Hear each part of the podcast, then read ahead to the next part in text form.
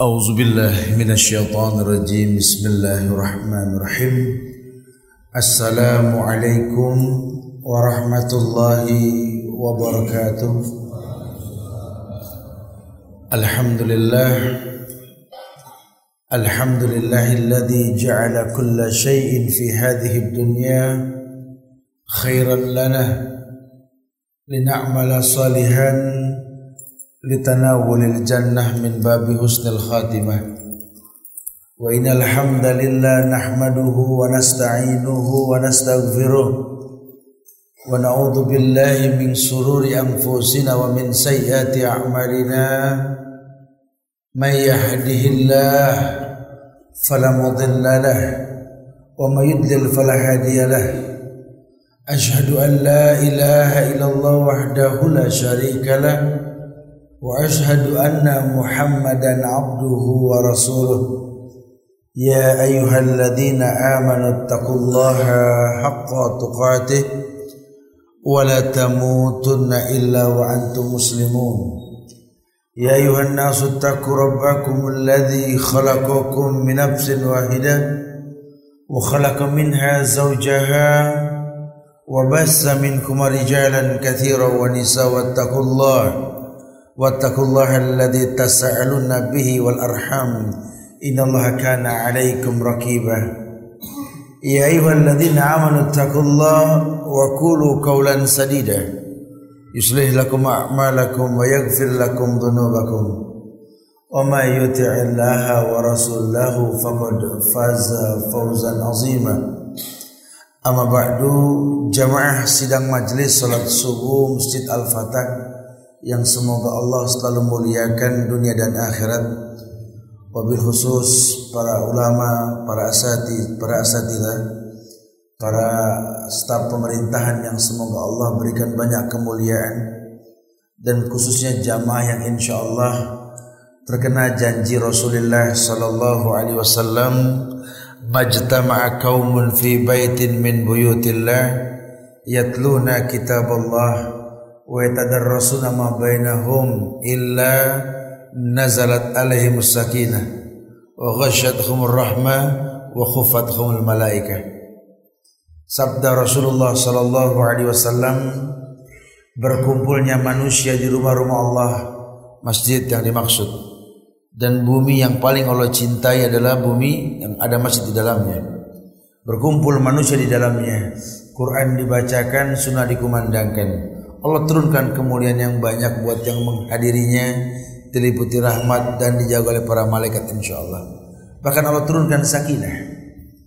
Orang mana yang tak menghayalkan sakinah? Namun sakinah ini bukan sesuatu yang dipaksa turun.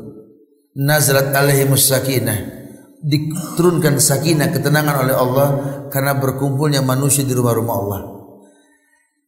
Ad-dinu nasihah Agama merupakan sebuah nasihat. Sabda Rasulullah sallallahu alaihi wasallam, "Ad-dinun nasihat." Ternasihatkan manusia dengan agama. Sehingga Allah Jalla wa ala, Allah Tabaraka wa Ta'ala menginginkan manusia pun berada pada tempat fitrah dia tercipta untuk apa? Wa ma khalaqtul jinna wal insa illa liya'budun. Tidaklah kuciptakan jin dan manusia kecuali untuk beribadah. Ada satu bentuk ibadah yang Allah letakkan kemuliaannya setelah kita mentauhidkan Allah. Menjadi sebuah takdir yang tertulis baku dalam Quran. Wa qadha rabbuka alla ta'budu illa iyyahu wa bil walidaini ihsan. Imma yablughanna 'indaka al-kibara ahaduhuma wa kilahuma fala taqul lahum wa qul lahum qawlan karim. Wakhfid lahum janaha dhulli minar rahmah Ini ayat yang sering dilontarkan oleh banyak ulama mengiring manusia untuk paham bahwa kita tercipta untuk la ilaha illallah. Yang dulu Nabi Musa pernah bertanya kepada Allah, "Ya Rabbi, alimni syai'an adzkuruka wa bih." Rabbi, Rabb yang menciptakanku, duhai Tuhan Allah. Alimni, ajarkan aku. Syai'an, sesuatu yang aku bisa mengingatmu. Bersyukur kepadamu. Qala Allah ya Musa kul la ilaha illallah. Musa kata Allah, katakan la ilaha illallah. Saat itu Nabi Musa balik bertanya, "Ya Rabbi, kullu ibadika yakuluna hadha?" Bukankah seluruh hambamu berkata ini la ilaha illallah? Apa jawab Allah? Ya Musa, "Law anna samawati as-sab' wa amirahunna ghairi wal ardina as-sab' fi kaffah wa la ilaha illallah fi kaffah malat bihina la ilaha illallah." Entah mungkin bahasa Nabi Musa ke Allah ketika dia balik bertanya, "Duhai Rabbku, duhai Allah, Ajarkan kepada aku tentang sebuah kalimat yang aku bisa bersyukur mengingatmu dengannya. Katakan ya Musa la ilaha illallah. La ma'budu bihaqqin illallah. Tidak ada yang berhak diibadahi dengan benar kecuali Allah.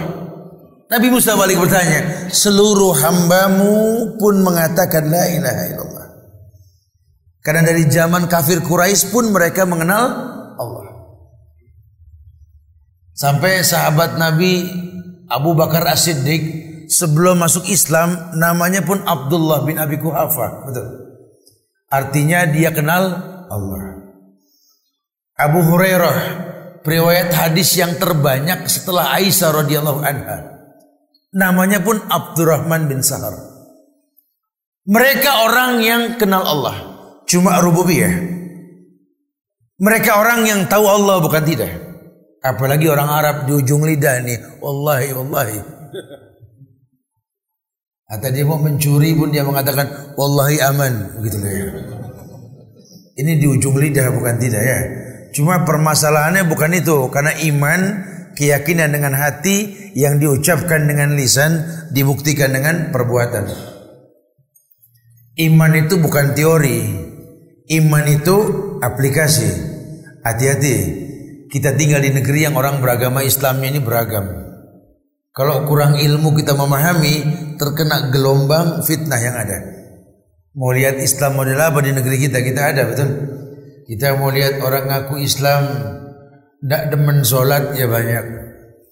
Kita pengen lihat orang ngaku Islam, bernabikan bukan Muhammad pun banyak, betul?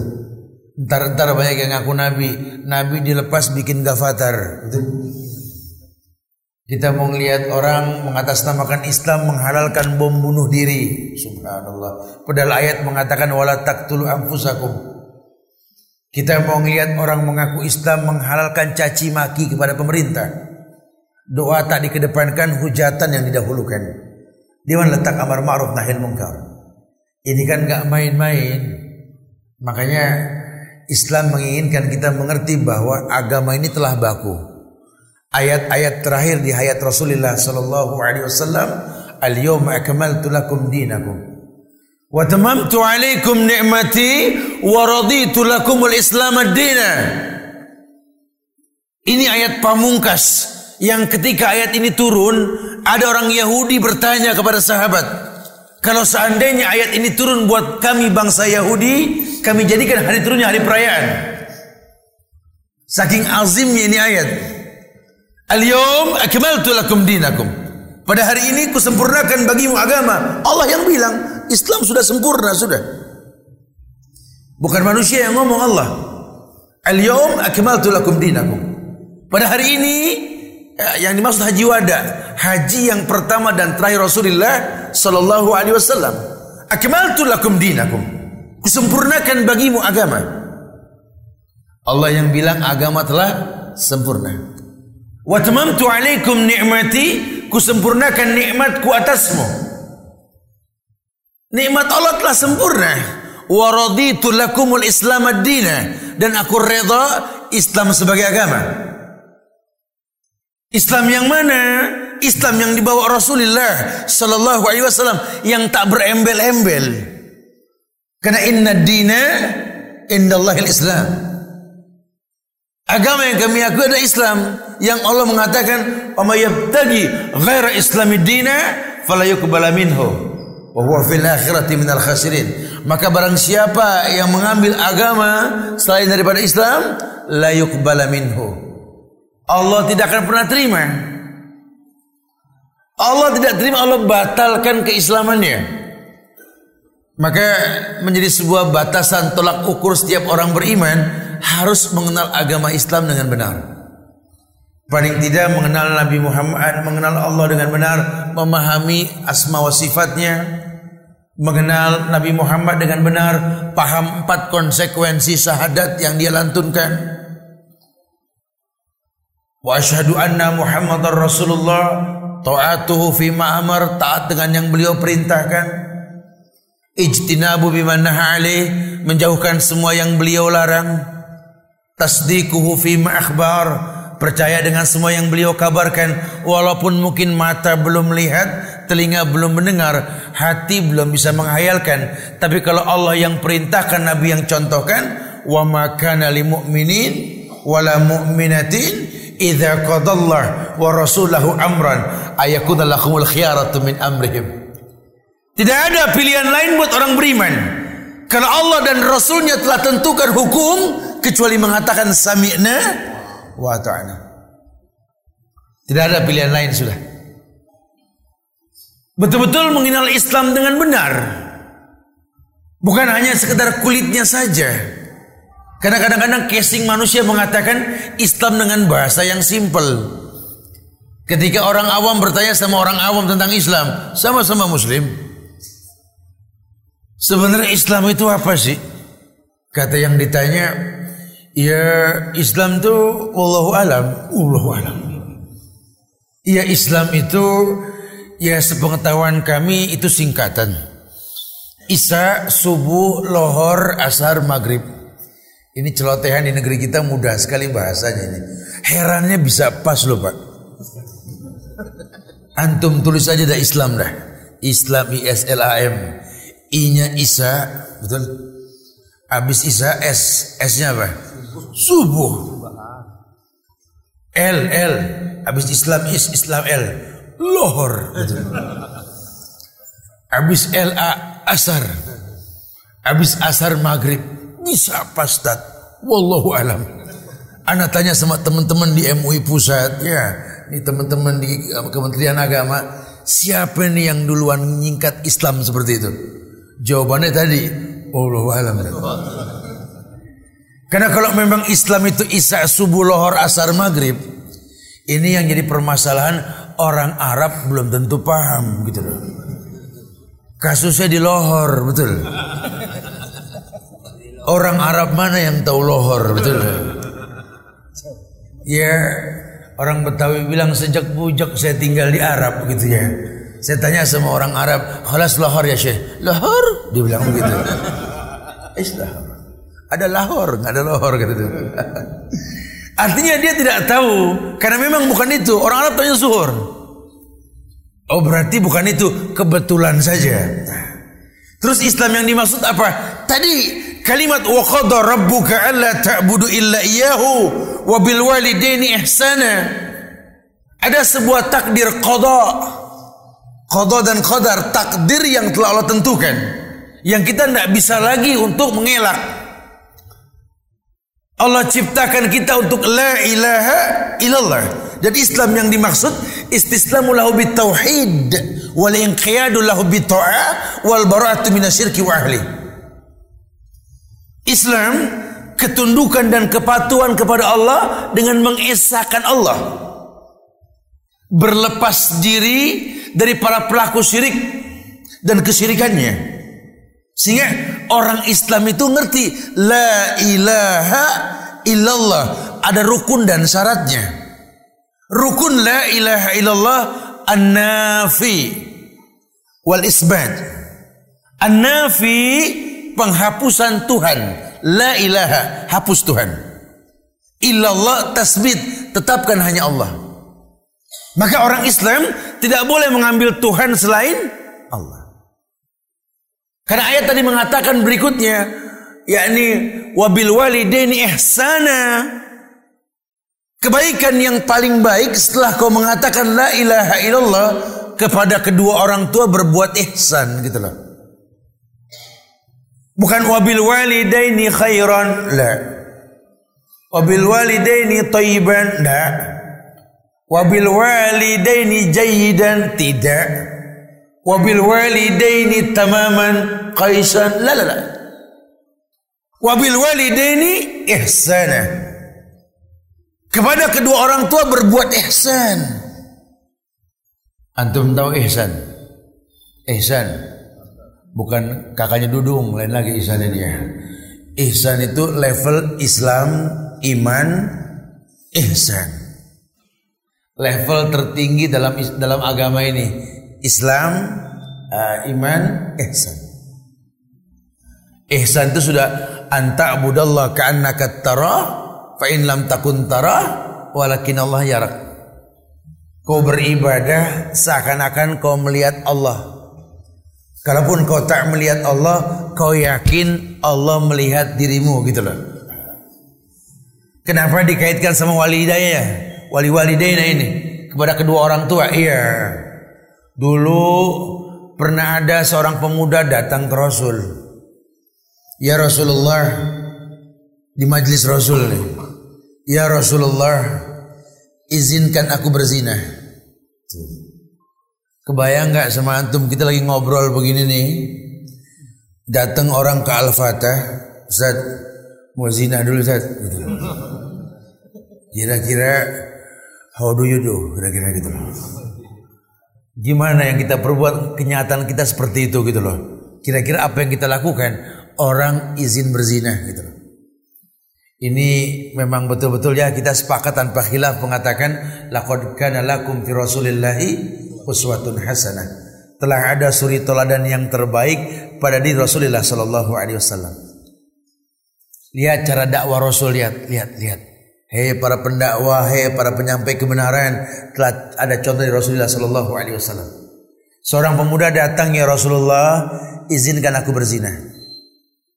Ini sahabat Gusar Umar datu yang paling kesel itu. Potong pala ini urusannya gitu. Apa kata Rasul? Patah bas sama Rasul sumakala. Nabi senyum sambil berkata kepada pemuda tersebut, Solaita ya akhi, Solaita. Lama, salli, salli. Udah sholat belum? Belum. Sholat. Pantesan belum sholat kata Rasul gitu kan. Kalau udah sholat lain cerita kali ya. Ah, pantesan belum sholat. Sholat ini pemuda sudah. Selesai sholat datang lagi. Udah Rasul izinin berzina. Uh, Ini sahabat makin gusar ngelihat begini. Ini kan kenyataan berarti kan. Ketika yang namanya sholat komitmen dalam Quran tanha anil faksa wal mungkar ini solat harusnya mencegah si pelakunya ini berbuat keji dan mungkar. Cuma kenyataan zaman Rasul juga orang solat tetap maksiat. Ya apalagi kemari. Apalagi kemari. Tetap dosa dirutinkan. Takut sama hukum. Bahkan sampai ada yang pernah mending maksiat. Ya ini kalau maling, kalau maling, dia pernah nyantren dah paling enggak gitu ya. Ya kan maling boleh nyantren dong ya. Dia pernah nyantren cuma mungkin tergoda sama lingkungan yang Masya Allah nih ujian gitu ya. Satu waktu masuk bulan Ramadan. Temennya ngajak nyolong. Nyolong yuk. Orang tidur nih siang. Yuk mumpung orang tidur kita nyolong. Ini karena maling pernah nyantren, ntar dah nunggu buka, begitu. Dia pending dosa nunggu buka, bukan tidak. Padahal dia puasa loh. Mau berbuat dosa mending dosa. Ada yang mau nyolong sendal, ntar nunggu ajan beres. Gitu. Dia tahu hukum bukan tidak.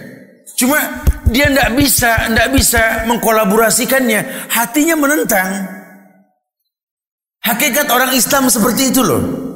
Karena jujur, jujur, kalau sampai ibadah tidak membuat si pelakunya mulia, ada yang salah. Ini orang mengatakan la ilaha illallah bukan tidak. Ini orang sholat bukan tidak. Habis sholat dia bikin dosa. Sehingga Rasul tidak menghantam dengan dalil lagi.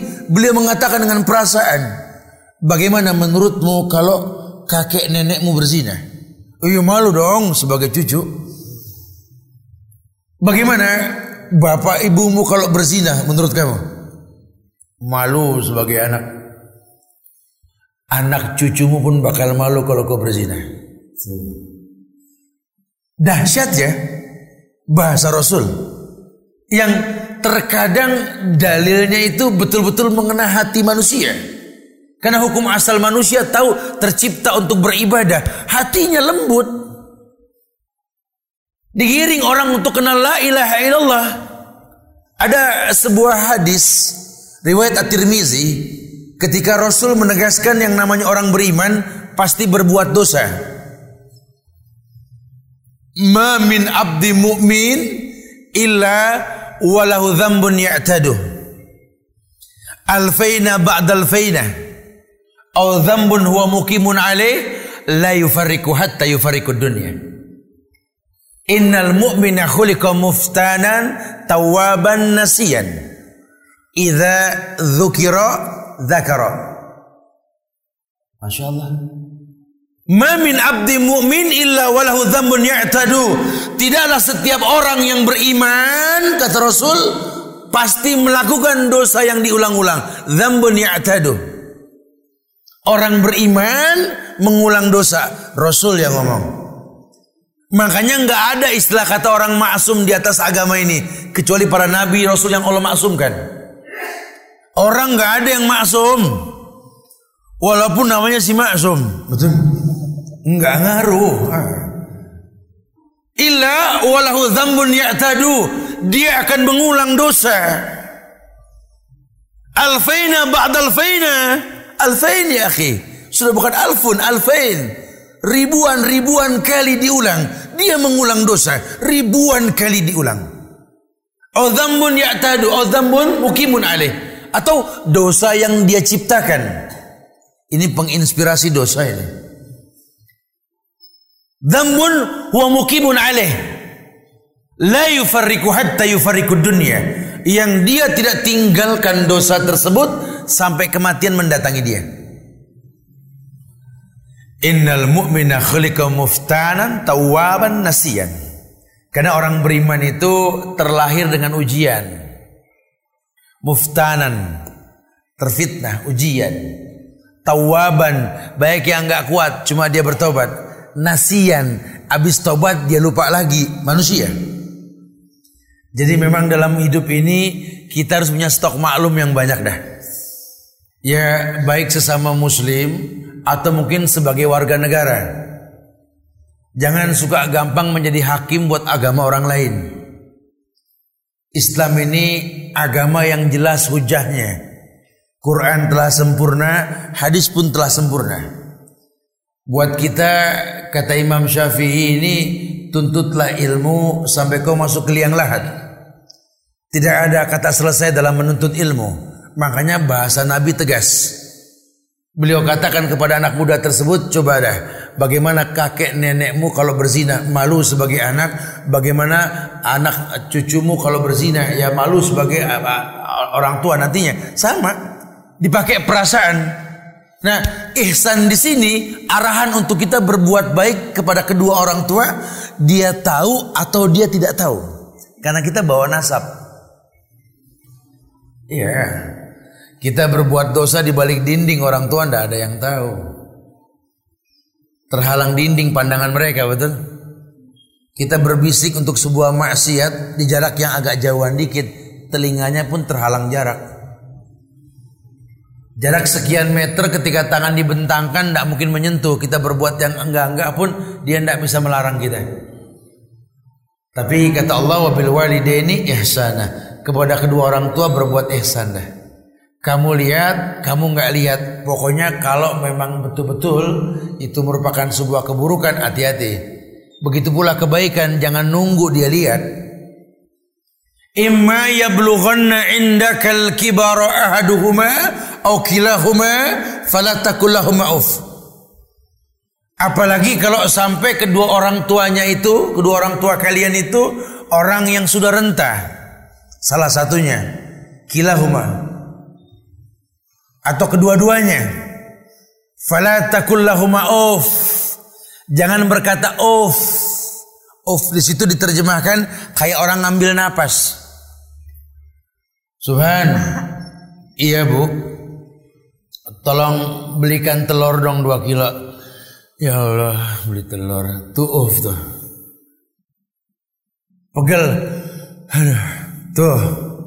Apalagi cih ah cuh gitu ya. Oh boleh tidak boleh tuh di Islam. Orang tua kalau sudah manggil sami'na wa ta'na. Tidak ada, tidak ada kata tidak kalau orang tua sudah mengatakan sesuatu yang baik. Fala takul lahum auf. Jangan berkata auf. Jangan berkata ah, jangan berkata cih.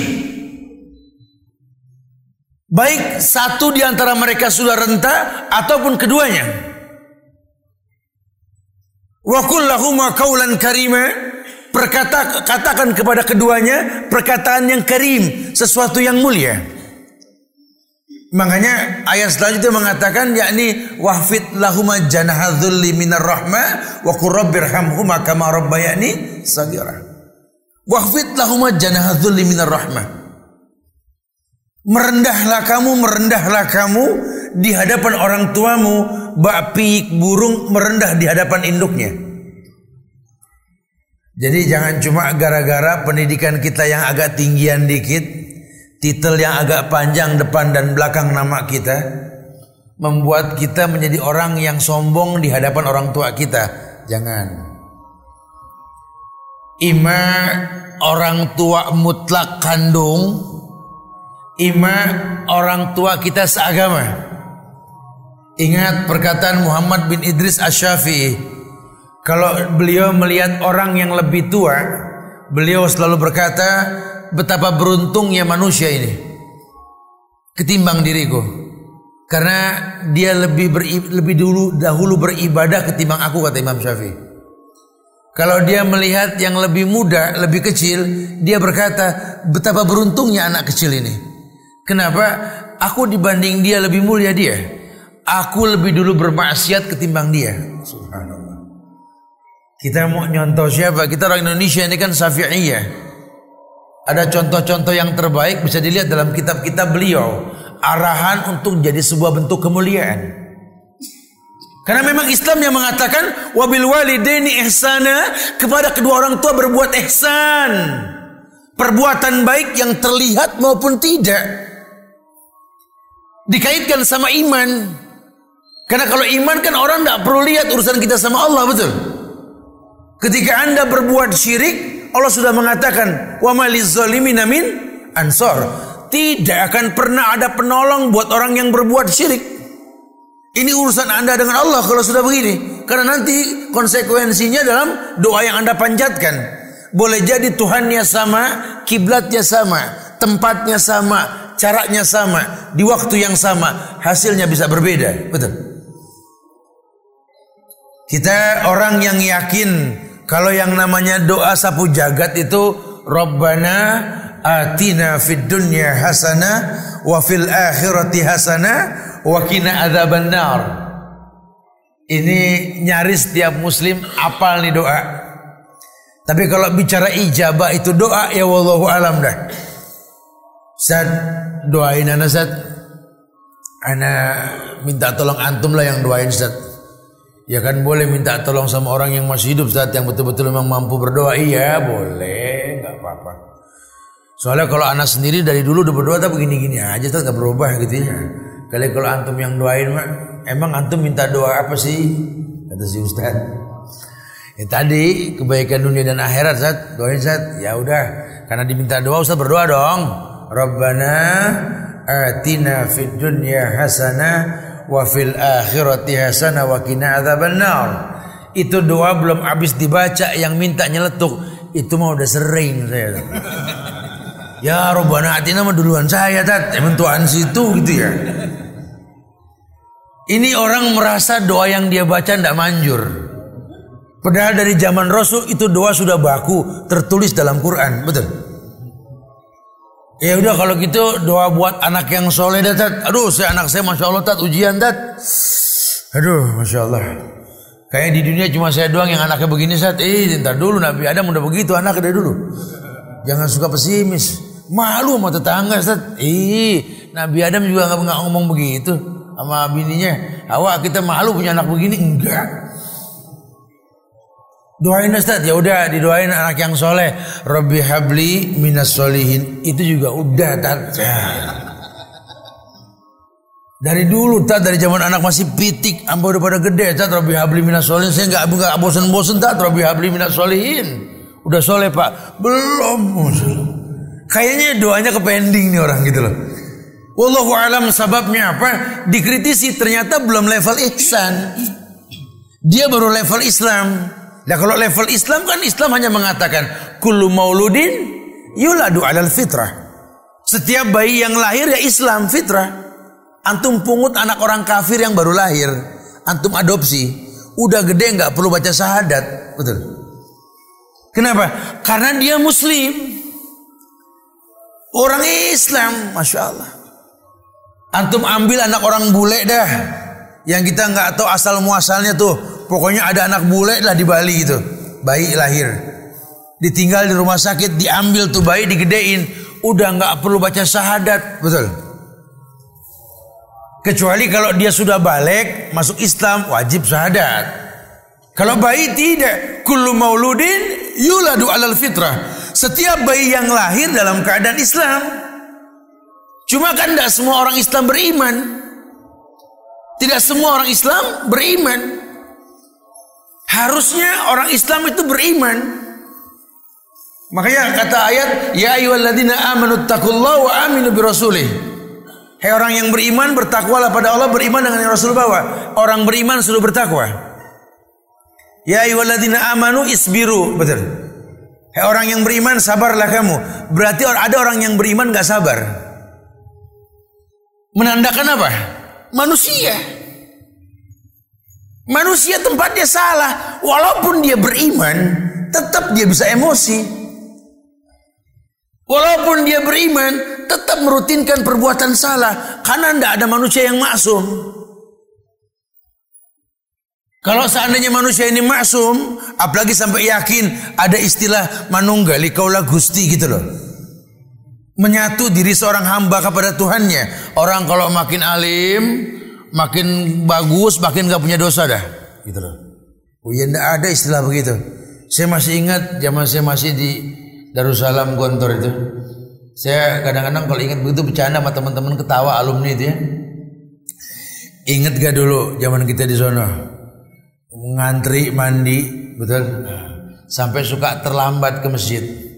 Kalau azan sudah berkumandang kita baru mau masuk masjid udah pasti di strap dah. Didiriin depan masjid Dibarisin kita, dipukul kita pakai sejadah. Cuma gara-gara azan berbunyi kita belum nyampe ke masjid. Ya aturan main sekolah ya iyain aja dah. Dibarisin kita ya nasib dipukul lagi dah. Begitu ya. Enggak lama Pak Kiai lewat. Samping kita naik tangga masjid tuk tuk tuk tuk tuk. Saya bilang sama yang nangkap saya, itu nggak ditangkap. oh itu mah lain gitu, gitu. Dari situ saya ngayal ya Allah kapan saya jadi kiai ya Allah enak kali begitu ya. Kayaknya maksum betul nih ya gitu ya. Padahal setelah kita tahu ya tidak ada kemaksuman dalam Islam kecuali milik para nabi dan rasul. Sama dengan kita, jangan sampai agama yang kita berada di atasnya membuat kita sombong, jangan. Islam ini agama yang menggiring si pelaku agama ini merunduk makin berisi makin merunduk. Antum buka-buka ya kitab hadis-hadis yang sahih. Telah ketemu banyak hadis tentang low profilnya Rasulullah Sallallahu Alaihi Wasallam di majlis Rasul, di majlis Rasul ketika beliau menyampaikan tausiah ada datang orang Arab Badui bertanya, "Waina Muhammad? Waina Muhammad? Di mana Muhammad? Di mana Muhammad?" Di majlis Rasul nanya di mana Muhammad. Yang antum simpulkan apa? Saru ini berarti Nabi Muhammad betul? Kalau kita kan bisa lihat, nah, nah oke yang di pojok nah, tuh gitu kan. Kalau zaman Rasul enggak kelihatan sudah. Masuk ketika beliau hijrah ke Madinah bersama Abu Bakar As-Siddiq. Jalan bersama Abu Bakar, orang nggak ada yang kenal Nabi Muhammad. Padahal Mus'ab bin Umair sudah menyampaikan siapa Muhammad sebelum beliau nyampe ke Madinah. Abu Bakar punya inisiatif, dia pentangkan sorbannya, dia payungi Rasul. Orang lihat, oh Nabi yang dipayungin. Bahasa-bahasa indah loh ini. Makanya ketika beliau mengatakan, "Lau kuntum muttakhidan min ahli al-ardi khalilan, latakhattu Abu Bakrin khalilan, walakin sahibukum hada khalilullah." Yuk kita pakai ini bahasa. Kalau boleh aku memilih kekasih kata Rasul di atas dunia ini, kan kupilih Abu Bakar sebagai kekasih. Makanya kalau sampai ada orang benci Abu Bakar aneh. Syiah, la'natullah la syiah ini. Masya Allah. Nggak main-main ini. Kok dibenci lawang Nabi mengatakan kalau boleh aku memilih kekasih Abu Bakar kekasihku Rasul tuh sepakat ulama ndak ada yang mendoifkan ini hadis walakin sahibukum hada khalilullah cuma sayang kata Rasul sahibukum hada Beliau copot gelar kerasulannya dengan kalimat tetapi sahabat kalian ini kata Rasul. Dakwah dengan bahasa persahabatan. Di mana yang muda menghormati yang tua dengan kekurangan yang dimilikinya. Di mana yang tua mencintai mengayomi yang muda dengan sekian banyak kehilafannya masing-masing sadar bahwa manusia ini tidak ada yang sempurna. Apalagi kalau bicara agama, kita tidak bisa pakai bahasa menurut saya. Ya e, menurut saya siapa saya? Nah, kalau pendapat saya siapa anda? Sudahlah, jangan seperti orang liberal yang bisa mengotak-ngatik agama. Ya Quran sih memang penting. Cuma Quran aja yang tidak cukup lah. Kita harus ada opini dan pendapat. Subhanallah. Buat apa ada ayat yang mengatakan Zalikal kitabu la raiba fihi hudan lil muttaqin. Ini pencipta manusia kasih buku panduan. Hei manusia, pegang di buku la raiba fihi. Tidak ada siroy di dalamnya. Tidak ada keraguan. Hudan lil muttaqin. Ini petunjuk buat orang yang bertakwa. Enggak semua orang tertunjuki. Makanya setiap orang harus bisa ditunjuki. Caranya bagaimana? Jadi orang yang bertakwa. Gimana jadi orang yang bertakwa? Ketika ibadah mencapai tingkat kebenaran. La'allakum tattaqun. Agar kalian bertakwa. Nah, bicara ibadah yang utama setelah tauhid tadi apa? wabil walidaini ihsana. Buat apa hafal Quran? Buat apa hafal sunnah? Buat apa senang bersedekah? Buat apa dipandang mulia sama manusia? Kalau sama orang tua kita nggak akur. Sholat, tat, sholat. Waduh, kalau dia sholat, tat, betul-betul seakan-akan menyatu antara dirinya dengan Tuhannya, Zat. Allahu Akbar sama orang tua berantem. Allahu Akbar sama mertua nggak ngomong udah dua minggu. Allahu Akbar sama tetangga nggak kenal. Allahu Akbar nggak demen sama tamu. At-tahiyat gitu ya kayak yang betul ya dia tahiyat sampai selesai. Kerjaannya mencaci maki pemerintah. Padahal ada hadis yang mengatakan shibabul muslim fusuk wa qitaluhu kufrun. Mencaci maki orang Islam dari pinggir jalan fasik membunuhnya kafir. Mau diputar ke mana nih dalil? Dahsyatnya Islam. Kita disuruh berbuat baik, ibadah yang paling dekat di orang tua. Karena ada kaitannya ridallah fi ridal walidain wa suhtullah pun fi suhtil walidain. Ridhonya Allah ada di ridho orang tua, murkanya pun sama. Ini kelebihan Uwais Al-Qarni ini. Yang orangnya belum hidup zaman sahabat, Nabi pernah mengatakan, nanti ketika kau menaklukkan Syam wahai Umar, Umar bin Khattab. Berdoa mintalah doanya Uwais Al-Qarni. Siapa Uwais ya Rasulullah? Belum ada orangnya. Kenapa orang selevel Umar yang dijanjikan sorga dengan istana emas? Umar fil jannah, Umar di sorga kata Rasul. Suruh minta doa seorang pemuda yang bukan siapa-siapa, ndak hidup lagi zaman Rasul. Apa kelebihan si Uwais Al-Qarni? Padahal tidak ada satu ulama pun yang bilang Uwais itu penghafal Quran, Uwais itu orang yang betul-betul mengerti agama, mengisnat hadis, riwayat dan lain sebagainya. Tidak. Cuma kelebihan Uwais itu meletakkan posisi di tempat yang benar. Anak mencintai orang tua berbakti kepadanya. Dia letakkan orang tua di atas kepalanya. Dia letakkan orang tua di atas kepalanya. Sehingga ulama mengatakan kalau Uwais Al-Qarni mengangkat tangan ke langit ketika berdoa. Karena memang sunnah berdoa mengangkat tangan. Itu langit bergetar. Tidaklah turun tangan Uwais kecuali bersama ijabah doa yang dia minta. Dia bukan penghafal hadis. Dia bukan penghafal Quran. Dia bukan ulama. Dia tidak selevel dengan Hasan Basri, dengan Muhammad bin Idris Al-Syafi'i, dengan Ahmad bin Hambal, dengan Abu Hanifah, Imam Malik. La la la la. Ini dahsyatnya Islam. Inna akramakum indallahi atqakum. Yang paling mulia di antara kalian yang paling bertakwa dan orang yang paling bertakwa yang kedua setelah dia mentauhidkan Allah orang yang wabil walidaini ihsan. Kepada kedua orang tua berbuat ihsan. Ima orang tua langsung mutlak wajib. Atau orang yang memang lebih tua. Guru-guru kita yang mungkin sekarang ilmu kita tidak sebanding ilmu beliau, tapi harus akui loh. Ini alif ba'ta yang kita belajar dulu membuat kita bisa buka Quran loh.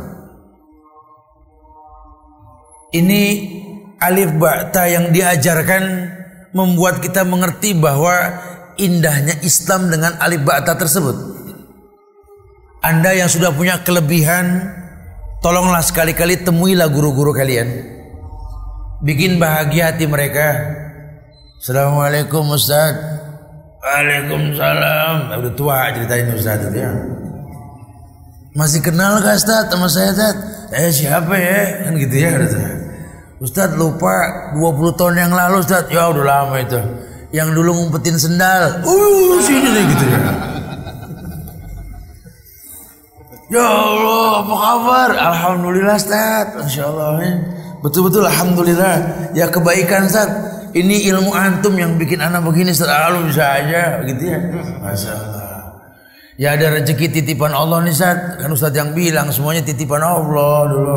Alhamdulillah Ustaz. Ada usaha nih yang udah berjalan maju. Ada income Ustaz. Ya Allah.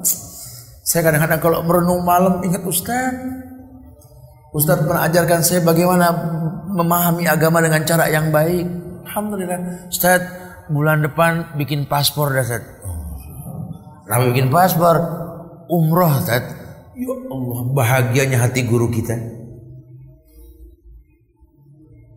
Atau orang tua kita temuin, orang yang pernah kita minta doanya, Pak Bu doain dong, biar saya jadi orang yang berhasil. Orang tua nggak bosen, mulutnya nih nggak kering basah, doain anak. Duha nggak putus, tahajud dirutinkan cuma minta derajat buat anak-anaknya. Sekarang kamu jadi baik karena doa mereka. Kata Rasul kan begitu. Siapa yang nyangka kalian besar karena doa orang-orang seperti mereka? Bahagiakan hati mereka. Rasakan kenikmatan memandang dua pemandangan paling indah di atas dunia. Memandang Ka'bah. Dan memandang wajah orang tua. Kita kalau mandang Ka'bah pertama kali kan kita baca apa?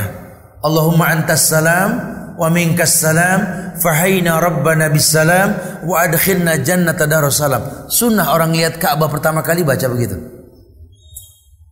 Seperti kita sunnah memandang wajah orang tua dalam Quran, waqfit lahuma janahadzulli minar rahmah wa qur rabbirhamhuma kama rabbayani shaghira. Kalau ngelihat orang tua tuh merendah, merendah. Lihat wajahnya sambil berkata, Rabbi firli wali walidayya warhamhuma kama rabbayani shaghira. Ini kalau antum kolaborasikan punya rizki, antum bayarkan ke travel, antum tuntun tangan orang tua antum. Ayo bu, angkat tangannya bu. Bismillah Allahu Akbar. Pas lampu hijau bu ya.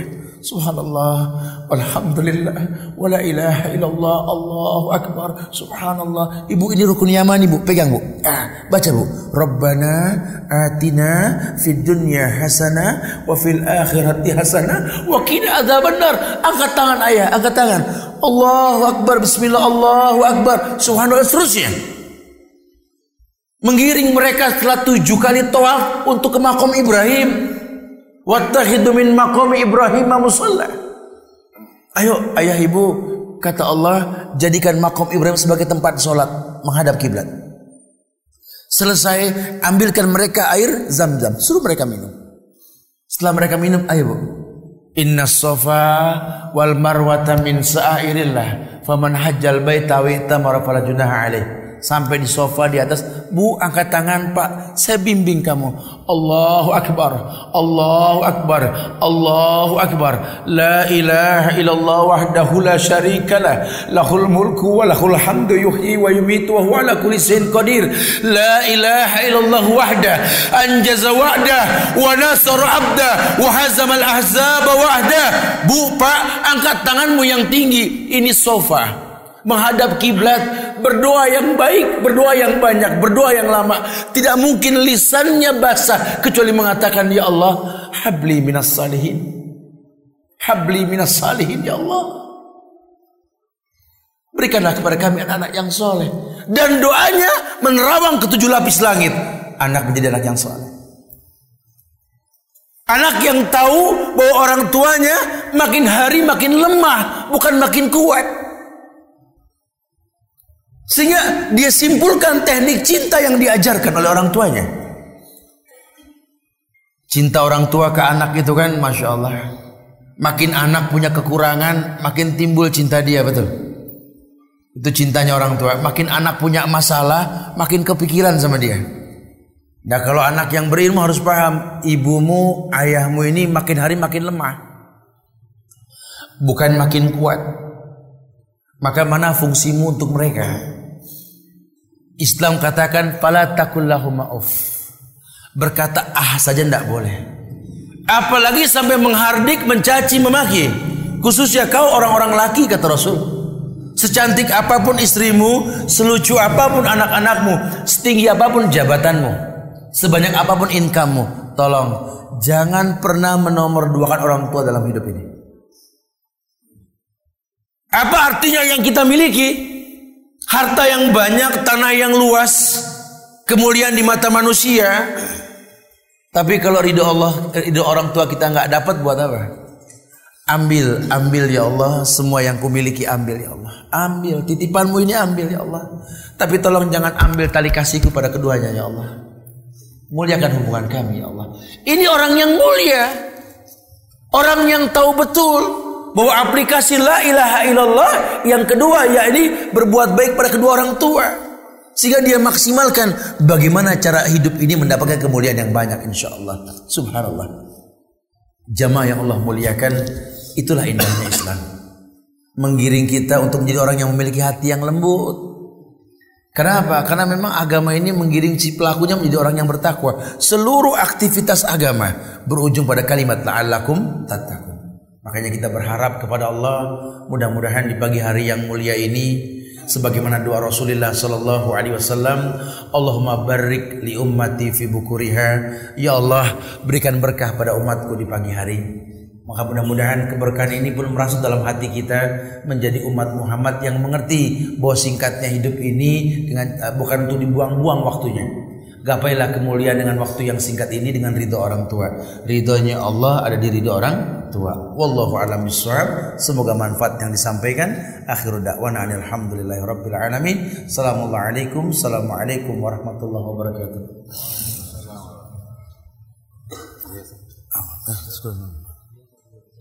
Oh, masya Allah.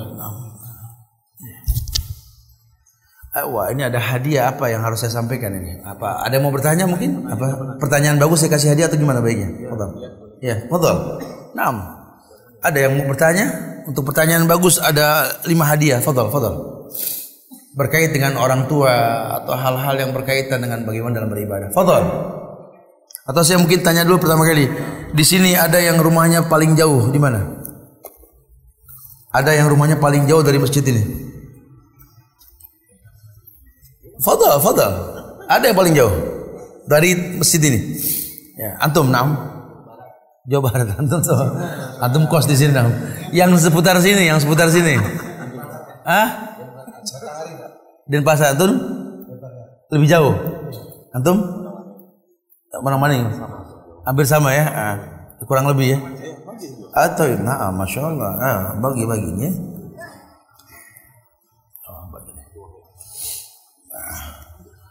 Uh, ada yang paling tua di sini? Yang paling tua di pagi hari yang hadir ke masjid yang paling tua usianya. Nah, nggak apa-apa pak. Antum berapa usia pak? Berapa? 66. Antum? 69. Ada yang lebih tua lagi. 69 loh ini. Ah, ah. Masya Allah. Halo. Iya. Fadal. Yang 69 ini Masya Allah ya. Ada. Siapa yang anaknya paling banyak? Betul coba. Ada yang anaknya tujuh? Tujuh, tujuh? Tujuh, antum enam. Ada yang tujuh, di atas enam ada yang di atas enam. Berkah, masya Allah. Tazawadul wadudul walud. Berbangga dengan banyak anak, masya Allah. Ada? Fadal antum? Ada yang lebih dari enam? Ada yang lebih dari enam? Oh, rizik, masya Allah. Antum, subhanallah. Insya Allah, insya Allah manfaat buat anak antum nanti. Insya Allah. Ini ada tiga tiga buku lagi. Ah, siapa yang mau tanya? Fadal, fadal. Nah. Antum, nah Pak, silakan Pak. Iya. Ah. Eh, ini ini ini saya lihat ini. Iya, fadal. Antum, kemudian antum. Iya, silakan ini dulu. Silakan. Waalaikumsalam warahmatullah. Iya Pak.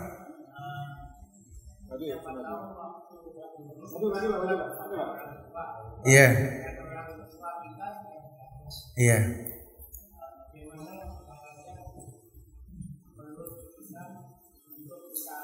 Oh, masya Allah, subhanallah. Waalaikumsalam. Ya. Iya, ini ada yang bertanya, Ustadz. Uh, dulu kita punya orang tua, sebenarnya sudah meninggal. Mungkin banyak masa lalu yang kita lakukan sama beliau. Sekarang kita pengen minta maaf. Ini artinya nih berbakti kepada kedua orang tua ketika mereka sudah tidak ada. Islam ajarkan pak. Karena wabil wali ini ihsan berbuat baik sama orang tua ketika orang tua nggak ada. Ihsan itu kan nggak kelihatan. Anta budallah ka'annaka tara fa in lam takun tara walakin Allah. Ya yang pertama Islam ajarkan kalau orang tua sudah tidak ada, ya ini ketika dia meninggal, ya selain memang dimandikan, dikafankan, disolatkan, dikuburkan, ya ini bayarkan hutang mereka.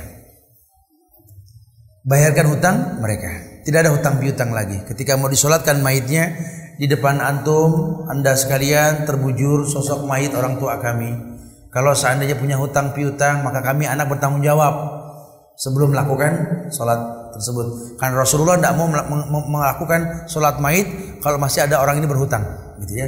Ah. Kemudian, yakni uh, menyambung tali silaturahmi dengan teman-temannya yang masih hidup.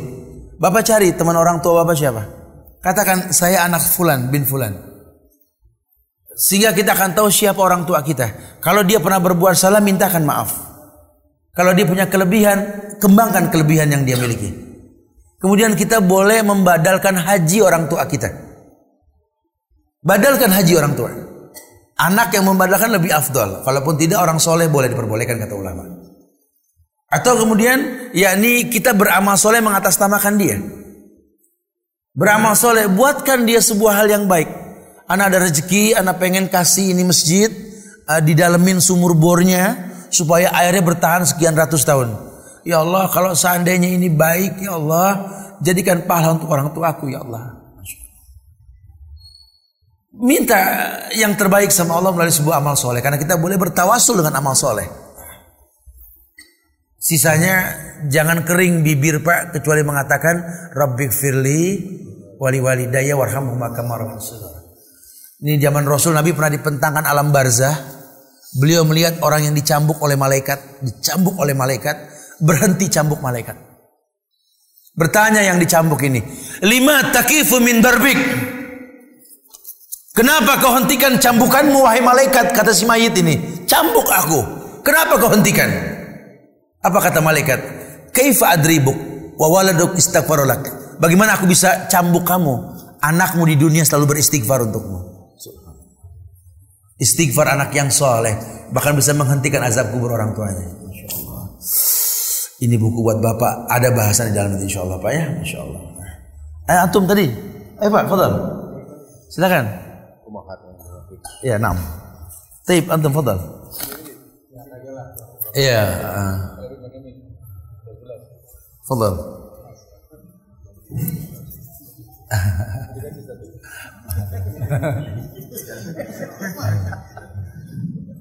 Assalamualaikum warahmatullahi wabarakatuh. Waalaikumsalam warahmatullahi wabarakatuh. Berkaitan dengan adab dengan kedua orang tua kita. Kebetulan kedua orang tua saya juga. Semoga Allah lapangkan kubur ya insya Allah. ketika ibu saya meninggal, saya tidak ada kesempatan untuk menjumpai jenazahnya karena saya tidak ada di rumah. Nah.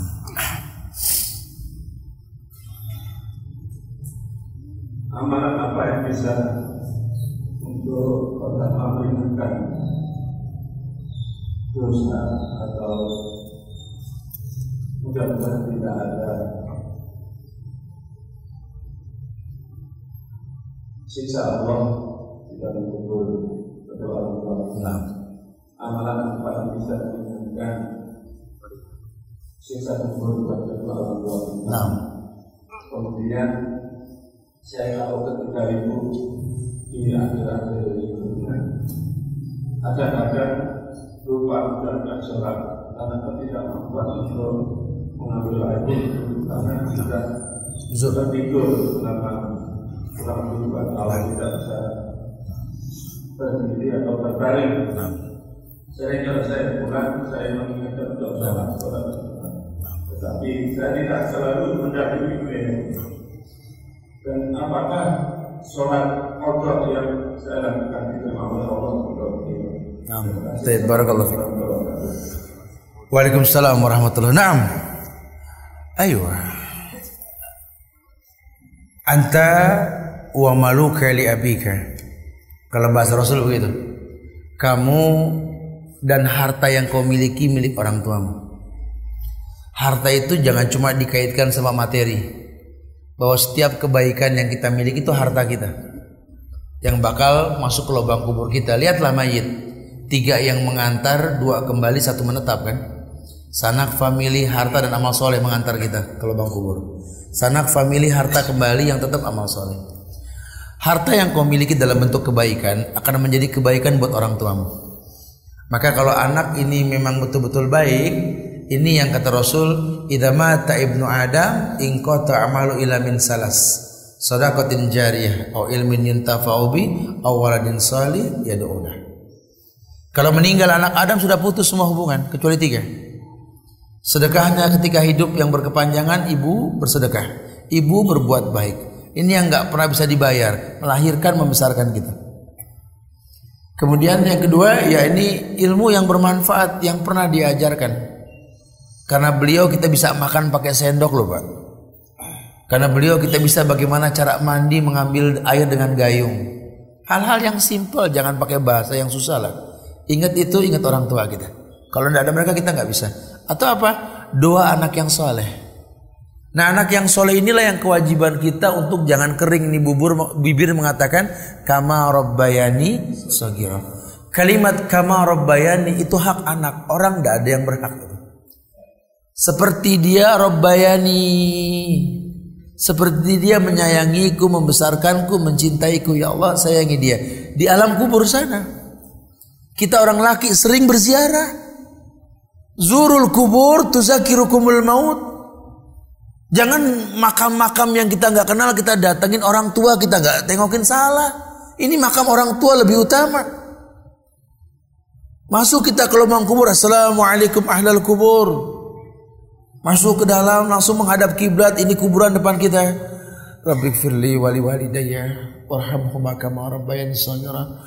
Allahumma ighfir laha warhamha wa'fiha wa'fu anha waj'al kubraha radatan min riyadina seterusnya.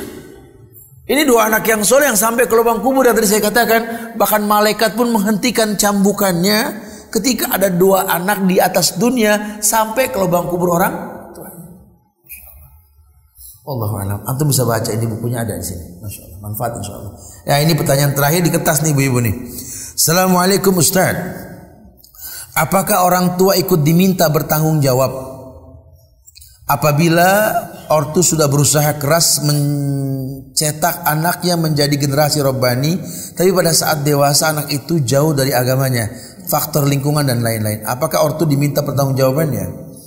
Setiap manusia diminta pertanggungjawabannya. Sehingga kalau memang pertanggungjawaban tersebut betul-betul memang telah dilakukan, maka dosa dibebankan sama orang yang berbuat dosa. Allah taziru waziratun wizra. Orang nggak terbebani oleh dosa orang lain. Makanya mumpung belum terlambat, anak ini butuh lingkungan. Anak ini butuh kebiasaan. Saya merespek semua orang Bali demi Allah. Wangi ini Muslim Bali di Jakarta. Apalagi berkaitan tentang sholat subuh. Nyaris di Indonesia ini yang dikatakan Dewata Island cuma Bali. Identik sama kekafiran kesyirikan betul. Cuma jumlah jamaah sholat subuh terbanyak di Indonesia ya Bali. Ini jadikan sebuah tradisi kebiasaan yang baik. Nah kalau anak-anak kita biasa bangun pagi berkah hidupnya buat majelis ilmu, silaturahmi dan lain sebagainya. Allah akan datangkan kebaikan buat kita insya Allah ya. Wallahu alam bisawab. Insya Allah manfaat yang disampaikan buat saya pribadi dan antum atuna sekalian. Minta maaf kalau ada kekurangan, kesempurnaan hanya milik Allah. Ya untuk lebih mendalami bab-bab tentang ini bisa dibuka nanti di YouTube atau di browser Ustaz Subhan Bawazir. Nanti aja banyak tentang bakti orang tua dan lain-lain. Mudah-mudahan Allah berikan manfaat buat saya dan buat antum sekalian. Kita tutup dengan kafaratul majlis. Subhanakallahumma bihamdika asyhadu an la ilaha illa anta astaghfiruka wa atubu ilaik. Assalamualaikum, Assalamualaikum warahmatullahi wabarakatuh.